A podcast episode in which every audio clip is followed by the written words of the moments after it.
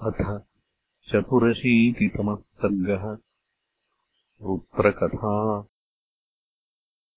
तथोक्तवति रामे तु भरते च महात्मनि। लक्ष्मणोऽथ शुभम् वाक्यम् उवाच रघुनन्दनम्। अश्वमेधो महायज्ञः पावनः सर्वपाप्मनाम्। पावनस्तव दुर्धर्षो रोचताम् रघुनन्दन श्रूयते हि पुरावृत्तम् वासवे सुमहात्मनि। ब्रह्महत्यावृतः शक्रो हयमेधेन पावितः। पुरा किल महाबाहो देवासुरसमागमे वृत्रो नाम महान् आसीत् दैतेयो लोकसम्मतः।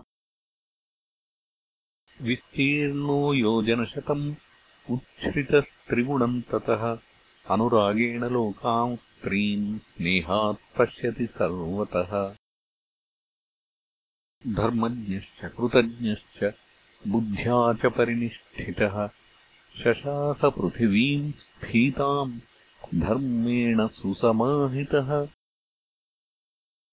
तस्मिन् प्रशासति तदा सर्वकामदुघामही प्रसवन्ति प्रसूनानि च फलानि च। अकृष्टपत्या पृथिवी सुसम्पन्ना महात्मनः स राज्यम् तादृशम् भुङ्क्ते स्फीतम् अद्भुतदर्शनम्। तस्य बुद्धिः समुत्पन्ना तपः कुर्याम् अनुत्तमम्। तपो हि परमम् श्रेयः सम्मोहमितरत्सुखम् स निक्षिप्य सुतम् ज्येष्ठम् पौरेषु मधुरेश्वरम् तप उग्रम् समातिष्ठत्तापयन् सर्वदेवताः। तपस्तप्यतिवृत्रे तु वासवः परमार्तवत् विष्णुम् समुपसङ्क्रम्य वाक्यम् एतदुवाचः।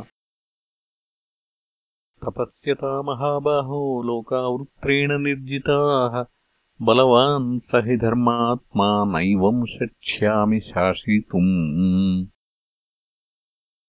यद्यसौ तपातिष्ठेत् भूय एवासुरेश्वरः यावल्लोका धरिष्यन्ति तावदस्य वशानुगाः।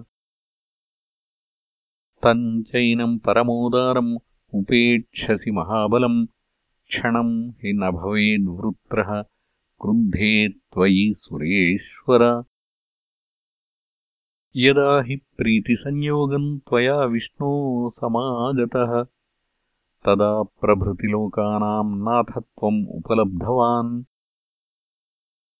स त्वम् प्रसादम् देवानाम् कुरुष्व सुसमाहितः त्वत्कृतेन हि सर्वम् स्यात् प्रशान्तम् अरुजम् जगत्।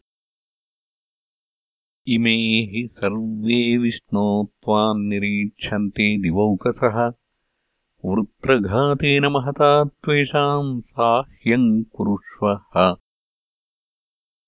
त्वया हि नित्यशः साह्यम् कृतमेषाम् महात्मनाम्।